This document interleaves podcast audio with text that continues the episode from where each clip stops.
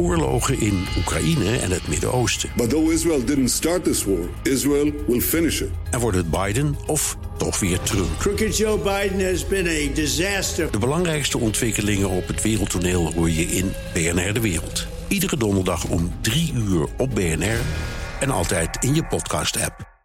BNR Nieuwsradio. Werkverkenners. Rens de Jong. Stel, je leest een sollicitatiebrief en je hebt een enorm goede potentiële werknemer gevonden. Maar er zijn een paar issuetjes. Hij of zij is zo'n zes uur per dag met een andere baan bezig. Af en toe moet hij of zij op reis en dat weet hij pas een paar weken van tevoren. En dit nieuwe talent heeft meer kans op uitval door blessures van die andere baan. Klinkt dit nou aantrekkelijk? Deze BNR Werkverkenners gaat het over topsporters op de werkvloer. Is dat nou een lust of vooral een last? Want er zijn bedrijven die met veel plezier zo'n topsporter in dienst nemen. En ze nemen dan voor lief dat die collega veel moet trainen en naar buitenlandse toernooien gaat. Het afgelopen jaar zijn 110 sporters begonnen met een traject van de NOC-NSF dat linksom of rechtsom ervoor moet zorgen dat ze beter zijn voorbereid op het werkzame leven na de topsport. En bedrijven die hebben daarin een rol. In deze uitzending twee topsporters die samen een indrukwekkende hoeveelheid medailles hebben gewonnen en die allebei werkten tijdens hun topsportcarrière. Ik had als kind altijd al nou, twee dromen. Ik wilde topsporter worden en de andere was bij de politie werken. Dus toen ik dat voorbij zag komen, dacht ik, hé, hey, dit is het. En allebei is Femke Dekker gelukt. Ze werd roeikampioen en werkt al jaren bij de politie. Maar dat heeft best wat voeten in aarde gehad, een topsporter in dienst nemen. Want een actieve topsporter is niet bepaald een ideale collega. Femke werkt dus bij de politie en daar werd best wat georganiseerd voor haar en haar topsportende collega's. De politie had dus een eigen uh, ja, politie-topsportselectiegroep. En daarmee hadden we een convenant. Dat betekende dat je een contract kreeg uh, voor 100%. Dus ik had gewoon een uh, 32-urig contract. En daarin kreeg ik 50% gesponsord. En 50% moest ik daadwerkelijk werken. Dus ah, als je. Dat is wel heel ja, genereus. Heel genereus. Ehm, moet wel zeggen dat als ik zeker in 2007 begon, ik, dat is de aanloop voor de Olympische Spelen van 2008. Dat ik om de twee weken op trainingskamp ging.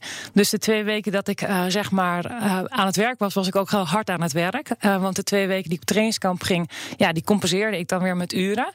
En uiteindelijk hebben ze in 2008 met de Spelen natuurlijk wel gezegd van ja, oké, je kan nu niet meer die tijd inhalen die je eigenlijk aan die 50, 50 procent nu zoveel op trainingskamp gaat. Dus toen hebben ze wel gezegd van nou, dit sponsoren we je echt omdat je naar de Olympische Spelen gaat. -hmm. Maar het was altijd zoeken. Dus als ik uh, keek, nou, we hadden alleen woensdagmiddag en zondagmiddag vrij. Ik ging maandagochtend, uh, 7 uur zat ik in de boot. En dan was het anderhalf uur uh, op het water, na douchen. En dan ging ik door naar mijn werk, het autootje in. En dan ongeveer om drie uur, kwart over drie, dan logde ik uit. En dan stapte ik het autootje weer in. En dan zaten we half vijf in de boot. En dat deed ik dus vier dagen in de week. En ondanks al deze concessies zijn er dus bedrijven die ze graag in dienst nemen. Eén daarvan is Deloitte, een financiële en zakelijke dienstverlener. En zij hebben een oud hockeyster aangetrokken om die topsporters binnen te halen. Nou, ik ben Kim Lammers. Ik ben 37 jaar. Inmiddels uh, werkzaam bij Deloitte. Ik werk voor mezelf, maar word ingehuurd door Deloitte. Nog heel veel andere leuke opdrachten. Veel presentatieklussen. Ik ben in het hockey nog actief als trainer. En ehm, ja, ik heb zelf jarenlang een Nederlands team gehockeyd en bij Laren. Oké, okay, en bij het Nederlands team, wel, welke successen kan je allemaal uh, op je konto schrijven? Nou, ik heb alles mogen winnen wat je kan winnen in het Nederlands wow. team. Dus uh, Olympisch kampioen, wereldkampioen, Europees kampioen. En uh, geen Nederlands kampioen, maar wel met de club Europees kampioen. En heb je tijdens die sportcarrière heb je al gewerkt? Ja, nou ja, ik ben uh, in 2007 afgestudeerd. Ik heb uh, pedagogiek gestudeerd. En toen ben ik voor mezelf begonnen. Um, ik scheurde ook in dat jaar mijn kruisband af. Dus toen stond het teken eventjes uh, in, in revalideren en proberen de Olympische Spelen te halen. Maar ik ben toen wel al uh, workshops en presentaties gaan geven in het uh, bedrijfsleven voor sportteams. En samen met Sylvia Karres van de Sportmaatschappij. toen hebben we Sportboost opgericht en hebben we voor de Johan Cruijff University ook nee, gekeken hoe we sporters daarin kunnen helpen en begeleiden. Mm -hmm. Maar dat was ook net tijdens de economische crisis. Dus het was gewoon heel moeilijk geld te verdienen. Dit was ook lastig gewoon? Ja, het was zeker lastig. Ja. Ja, ja. ja. Hoe combineer je dat dan weer? Dus dan heb je aan de ene kant heb je een uitdaging dat je uh, wil sporten. Aan de andere kant moet je ook geld verdienen, maar dan zit je wel in een economische crisis. Ja, en dan had ik het voordeel dat ik wel uh, geld op verdienen met, uh, met hockey. Dus ik was niet volledig afhankelijk van dat salaris. Maar ja, goed. Wat zuiniger aan doen.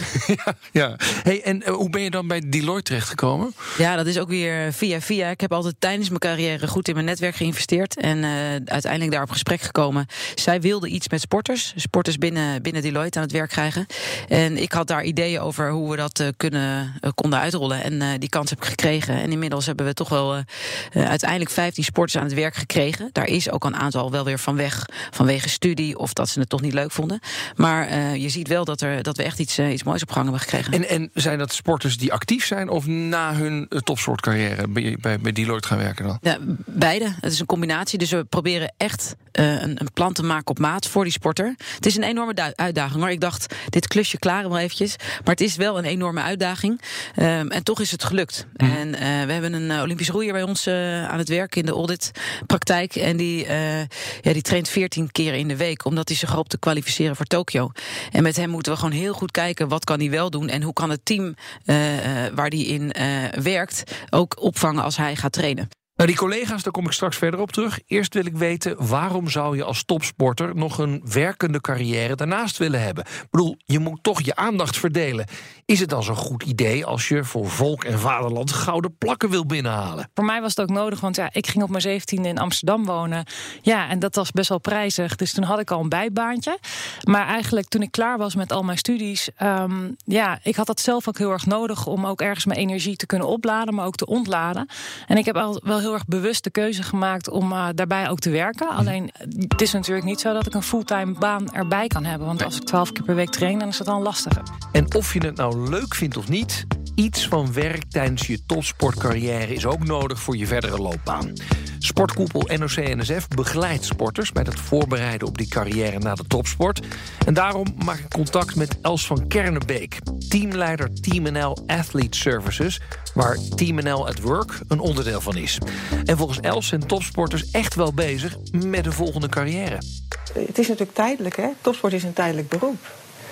En uh, als je klaar bent met je topsportcarrière, dan is het uh, belangrijk, en dat zien sporters meer en meer en meer, dat je dan uh, gaat nadenken, hebt nagedacht over wat wil ik nou, wat kan ik nou. En, en, hoe ga ik verder? Hm. En daar ondersteunen wij bij. Ja, wat doen jullie precies? Nou, het, uh, het, principe is dat je komt voor een intakegesprek. En dan moet je je voorstellen dat uh, het programma wat wij doen is nu ruim een jaar bezig. En zijn er vorig jaar 110 sporters geweest op een uh, intakegesprek. En dan stellen we dus al die vragen en dan bespreken we al die dingen. En daar komt dan een, een traject uit voor een sporter. Dus dat kan zijn dat een sporter individuele coaching krijgt, groepscoaching... Uh, daadwerkelijk een stage, uh, dat soort zaken. Mm -hmm. en, en, werkt dat? Weten we dat al? Ja, de, de evaluaties zijn positief. Ja, we zijn natuurlijk nog maar anderhalf jaar bezig. Dus uh, we kunnen niet zeggen dat topsporters al meerjarige carrières hebben nu. Nee, nee, maar nee. we zien wel, nee, maar we zien wel dat het, dit wordt volop gebruikt. Hè? Want als je kijkt naar de uitstroom van de sporters per jaar, dat zit ongeveer ook op tussen de 100 en de 200. Hè? Dat weten we natuurlijk nooit precies. Dat hangt ook af van prestaties en allerlei andere factoren.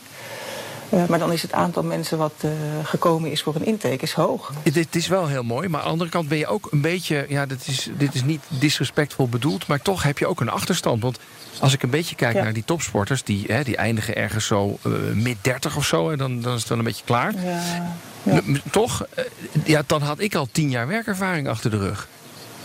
Ja, dat is ook echt een issue. En daarom zijn uh, stage- en werkervaringsplaatsen ook belangrijk. We hebben een pool uh, met, met, met bedrijven in oprichting uh, die dat allemaal gaan bieden.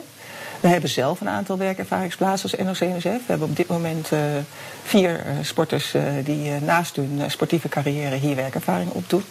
Bij Team NL. We kunnen dat natuurlijk zelf ook bieden. Nee, maar en, of ja, en, en, wat, ja, nee, en wat leren ze dan? Want, want het is werkervaring, maar dan is het ook gewoon ja. bijna omgangsvormen op de werkvloer, of niet?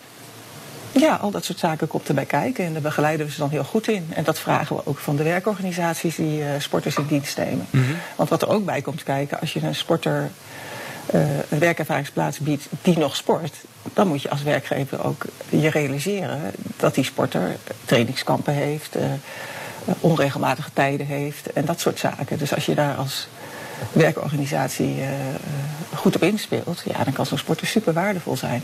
Ja. Het zijn hele gedreven mensen. Ja, en, en want wat jullie dan zoeken zijn organisaties die graag uh, uh, sporters een werkervaringsplek willen aanbieden. Moet ik dat zo een beetje zien als een soort stage? Ja. En wat voor, wat voor plekken zijn dat dan? Ja, dat varieert natuurlijk enorm. Want uh, sporters, want wij stimuleren sporters ook om een opleiding te volgen. Hè. Dat zit ook in dat Team NL het Work project. Dat, is, dat begint natuurlijk al bij je middelbare school en uh, de vervolgopleiding die je kiest. En dat zijn natuurlijk hele verschillende opleidingen die er gevolgd worden. Dus de stageplekken zijn ook verschillend. Dat kan gaan van, uh, van HR of personeelswerk tot en met logistiek werk, tot en met ja, van, van, allerlei zaken. Dus dat is ook uh, dat is heel verschillend. Ja. Is het, Wat uh, wij hier hebben gehad was vooral op de organisatiekant. Dus het organiseren van evenementen hebben we een aantal mensen gehad. Oké, okay, ik snap dat dit voor de sporters heel erg nodig is. Nadenken over en steun bij de carrière na het sporten. Maar waarom zouden bedrijven hier eigenlijk aan meedoen? What's in it for them? Dat zometeen. BNR Nieuwsradio. Werkverkenners. Gedreven, een teamspeler, kan omgaan met tegenslagen. Het zijn van die eigenschappen die topsporters wordt toegedicht... en die wil je ook hebben op de werkvloer.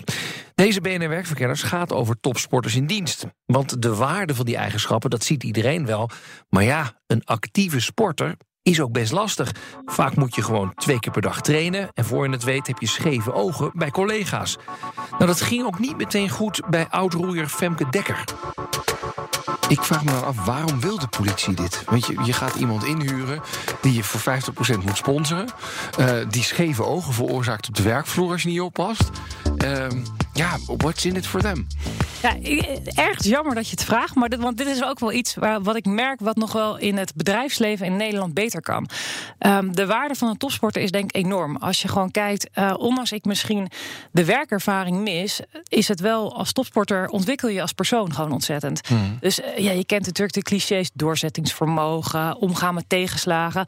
Maar als ik gewoon kijk hoe ver ik ben als mens ontwikkeld, dan ben ik ook echt ontzettend waardevol in het bedrijfsleven. Los van die cliché dingen van doorzettingsvermogen, et cetera, waarin we zeker ook uitblinken. Maar waar, waar, is, dat, waar is dat dan? Want uh, ja, ik ben daar gewoon benieuwd naar wat het. Wat, je zegt het zijn cliché dingen, maar dan, dan, dan wil ik het niet cliché horen. Waar is het dan? Nou, het zit hem ook in uh, bijvoorbeeld als je kijkt naar. Als ik met zaken omga, dat ik heel goed al snel zie. wat zijn de bijzaken of wat is de hoofdzaak? En dat zijn dingen die in je topsport leven, omdat je heel erg gedreven bent, omdat je doelgericht bent, resultaatgericht bent. Soms moet je individueel teamwork soms moet je uh, met elkaar zeg maar uh, dingen doen. Kun je dat heel snel al zien. En dat zie je in processen, dat zie je als je uh, werkt naar doelen. En dat maakt een enorm onderscheid, denk ik, ten opzichte van iemand die langzaam leert zeg maar in het bedrijfsleven om te gaan met bepaalde dingen. Mm. En dat is wel echt in een sneltreinvaart als je als topsporter, ja, je runt je eigen bedrijf. Dus je bent continu bezig uh, ook beslissingen te nemen, uh, om te gaan met dingen die gebeuren. En daarin ben ik zeg maar sneller volwassener geworden dan als ik in het bedrijfsleven gewoon langzaamaan mezelf even letterlijk gezegd omhoog werk mm -hmm. om ervaring op te doen. En dat zijn dingetjes waarvan ik denk dat het nog onderschat wordt wat wij als topsporter al uh, aan ervaring meebrengen. Los van dat we echt de, de werkelijke werkervaring niet hebben. Ja. Maar ook omdat we ja, volgens mij snelle denkers zijn, um, snel handelen, kunnen we ook enorm flexibel. Want in de topsport moet je dat. Want ja, je moet schakelen wanneer het nodig is vind ik ook dat ik heel snel, ook als ik nu kijk naar nieuwe dingen die voorbij komen, daarop kunnen inspringen. Ja. En dat vind ik wel een groot verschil soms met collega's om me heen die verandering heel lastig vinden en uh, nieuwe dingen. Dat ze denken, hmm, weet je, we doen het al, al jaren zo. Terwijl ik echt denk, ja, dat heb je juist nodig. Ja, ja. En dat zijn de dingen waar je echt wel een onderscheid Maar bijvoorbeeld, uh, omgaan, uh, bijvoorbeeld omgaan met tegenslagen hè, is, is ook iets wat, wat je op de werkvloer graag wil hebben. Heb, heb jij veel ook tegenslagen gehad of niet? Nou, meer dan uh, dat het uh, zeg maar uh, voorspoedig ging. Ja, ja dat, dat hoort er gewoon bij. Maar is het dan dat je dat ook dan meeneemt op de werkvloer? Je zegt, ja, daar heb ik dan echt een soort mentale weerbaarheid van ontwikkeld. Ja, zeker. Kijk, als ik in mijn topsportcarrière kijk... ik, ik heb pas in 2008 een Olympische medaille gewonnen. Nou, ik was in 2000 in Sydney er al bij. Nou, de eerste keer is dan kijken. Na 2004 ja, heb ik zelf gewoon, zeg maar letterlijk... in het teamverband van waar ik jarenlang in roeide... ben ik uitgeselecteerd. Ik ben uiteindelijk uiteindelijk op eigen kracht in de skift dan wel gegaan. Nou, dat was voor mij een enorm jaar wat een domper was. Maar ik heb mezelf wel bewezen om op de Spelen te zijn en dat op eigen kracht te redden. Dan zie je je team zie je dan een medaille winnen, waar je jarenlang onderdeel van was. En jij staat weer langs de kant. Ja, dat zijn dingen die neem je gewoon mee ook uh, in je gewone leven. En ik denk dat ik daar wel echt. Uh, dat, dat jaar heeft mij heel veel geleerd. En dat neem ik elke dag nog mee. En, en geef, geef eens aan hoe je dat dan bij de politie hebt. Want, want ik snap deze topsport, topsportanalogie snap ik heel erg. Maar waarom neem je dat dan mee naar de politie? Nou, het is de kijk erop. Weet je, ik laat me niet meer zo snel um, uit het wegslaan op het moment dat dingen niet gaan zoals ze gaan. Of als uh, we blijkbaar in één keer een andere koers. Kijk, bij de politie ben je ook heel erg afhankelijk van de buitenwereld. Mm -hmm. En um, ja, elke dag kan ik in de krant lezen wat er slecht is aan de politie. En dat hoeft maar in Groningen te gebeuren. En het heeft effect op Den Haag, waar ik in werk. En dan denk ik soms van ja, weet je. En dan zie ik mensen om me heen daar helemaal druk over maken. Maar dan denk ik, ja, draai het eens om. Weet je, wat zegt het nou eigenlijk? En dat zijn wel dingen die ik echt heb meegekregen van de tegenslagen. Dat ik niet meteen denk van oh jee. Maar van oké, okay, wat haal ik er nou uit? Of wat vergoeds kunnen we? Hoe kunnen we het omdraaien? Mm -hmm. En dat zijn echt dingen die zie ik bij mijn collega's echt niet. En dan stel ik ze een andere vraag. En dan kijken ze me en zeggen: Oh ja, zo heb ik er nog nooit naar gekeken. Ja, ja. Maar dan denk ik zelf: Ja, Weet je, toen ik er zelf in zat, in 2004, was ook alles zwart en was alles negatief. Je moet het echt eerst een keer meemaken en ook zien dat eigenlijk als je één deur dicht trekt, dat er dan tien weer open gaan. En daar dan het vertrouwen in hebben. En ja, dat is wel ervaring. En dat is wat ik zeg. De werkervaring waarin je leert. Uh, is in de topsport veel sneller. En daarom ben ik sneller volwassener geworden. Ja. En neem ik dat dus mee. Terwijl het in het gewone werkleven om me heen zie ik dat nou, als mensen in hun werk, vooral bij de politie, wat natuurlijk redelijk safe is, uh, met je baan die je daar hebt, dat het soms wel eens heel erg lang duurt voordat ze een tegenslag krijgen. Ja. En als die dan hebben, ja, zie je dat het echt best wel lastig is. Maar dat zie ik niet alleen bij de politie, dat zie ik in het gewone leven zo ja. hoor. En dat is het onderscheid.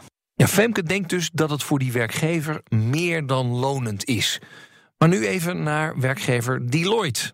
Ik leg het ook voor aan oud-hockeyster Kim Lammers. Uh, ik kan me voorstellen dat sporters toch een soort met van drive hebben dat je graag in je bedrijf wil hebben. Uh, het is misschien ook een leuk uithangbord, et cetera. Maar als je kijkt naar hoeveel druk er zit op dat trainen, dan denk je, is dat het eigenlijk wel waard? Of is het toch een soort met van maatschappelijk investeren, omdat al die, sporters op water en brood zitten? Nou, ik denk beide. En, beide. En ik merk dat deze gedachte er ook is. Um, en waarom gaan we niet toch gewoon proberen? Want hoe kunnen we die sporter wel nu al helpen?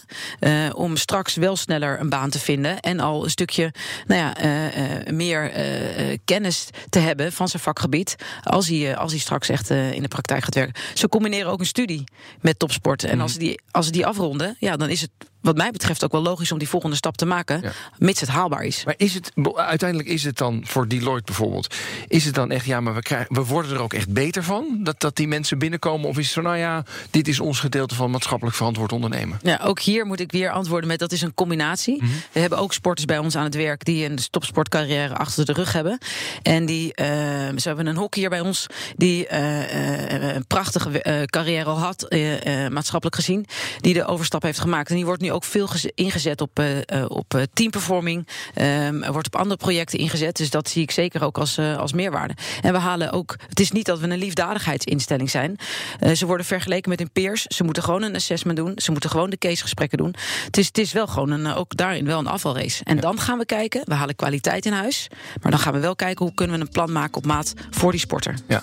En dat plan bestaat dus uit minder werken dan collega's en op zijn minst anders werken. Maar dat kan met collega's echt wel gaan wringen, zegt Femke. Hoe keken collega's daarnaar? Want het is toch een beetje de. Ja, uh, Femke krijgt de helft vrij om uh, lekker te gaan sporten. Terwijl ik hier uh, achter mijn laptop zit of op, op straat loop. Ja, dat was best lastig. Ik merk ook wel om me heen, want ik heb me later daar ook wel in verdiept binnen NOC-NSF, binnen de atletencommissie. Dat in het bedrijfsleven mensen daar moeten werken. Wennen, zeg maar. Want ze kijken toch wel van: hé, hey, ja, je loopt weer weg en ja, wat ga je dan doen? Dus ik heb wel geleerd dat het echt een stuk uitleg is uitleggen wat je doet. En dan krijg je ook het begrip van mensen. En ik heb daar aan het begin misschien te makkelijk over nagedacht. Dus ik kreeg op een gegeven moment wel scheve ogen. En vooral omdat je als topsporter ook een bepaalde mentaliteit en drive hebt. Ja, weet je, ik, in die korte tijd wilde ik veel dingen doen. En ik had het gevoel dat ik dat ook wel makkelijk lukte, waar anderen de hele dag over deden. Dus ik uh, ben af en toe wel eens letterlijk uh, tegen de muur aangelopen. En ik moest dus wel mijn collega's daarin meenemen. Dat is wel echt een hele belangrijke. Geef eens aan, wat, wat gebeurt er dan? Nou ja, het is toch een beetje scheve ogen, weet je. Toch uh, ja, lichtelijke jaloezie. Uh, maar ook van, uh, ja, wat ga je dan doen, weet je. De vraag van mensen onwetendheid. Dus ja, je gaat het dan ook een beetje invullen. Dus op een gegeven moment kwam ik er wel achter... ik moet gewoon meer gaan vertellen wat ik doe. En ik heb mijn collega's heel erg meegenomen... in naar welke trainingskamp ik ging, naar welke wedstrijden ik ging. En het was zelfs zo leuk dat op een gegeven moment gingen ze gewoon voor mij een knipboek bijhouden... van alle krantenartikelen en dat soort dingetjes. En daar kwam het begrip dus gewoon heel erg voor terug. Dus je moet wel echt vertellen wat je doet. Ja, en zo heb je zelfs je collega's meegekregen in je sport.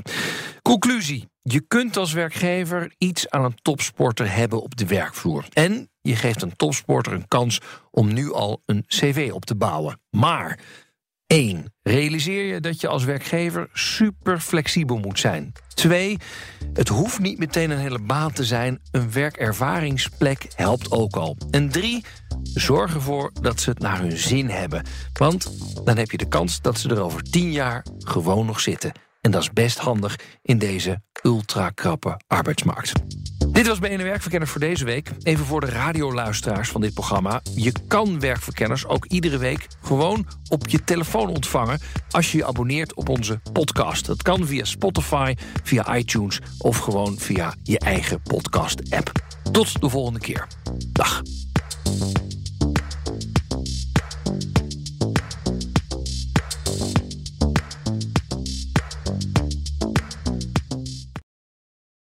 Ook Hugo Reitsma vind je in de BNR-app. Superhandig die BNR-app. Je kunt alle programma's live luisteren, breaking nieuwsmeldingen. Je blijft op de hoogte van het laatste zakelijke nieuws. En je vindt er alle BNR-podcasts, waaronder natuurlijk de belangrijkste, Boeken zijn in de wijk. Download nu de gratis BNR-app en blijf scherp.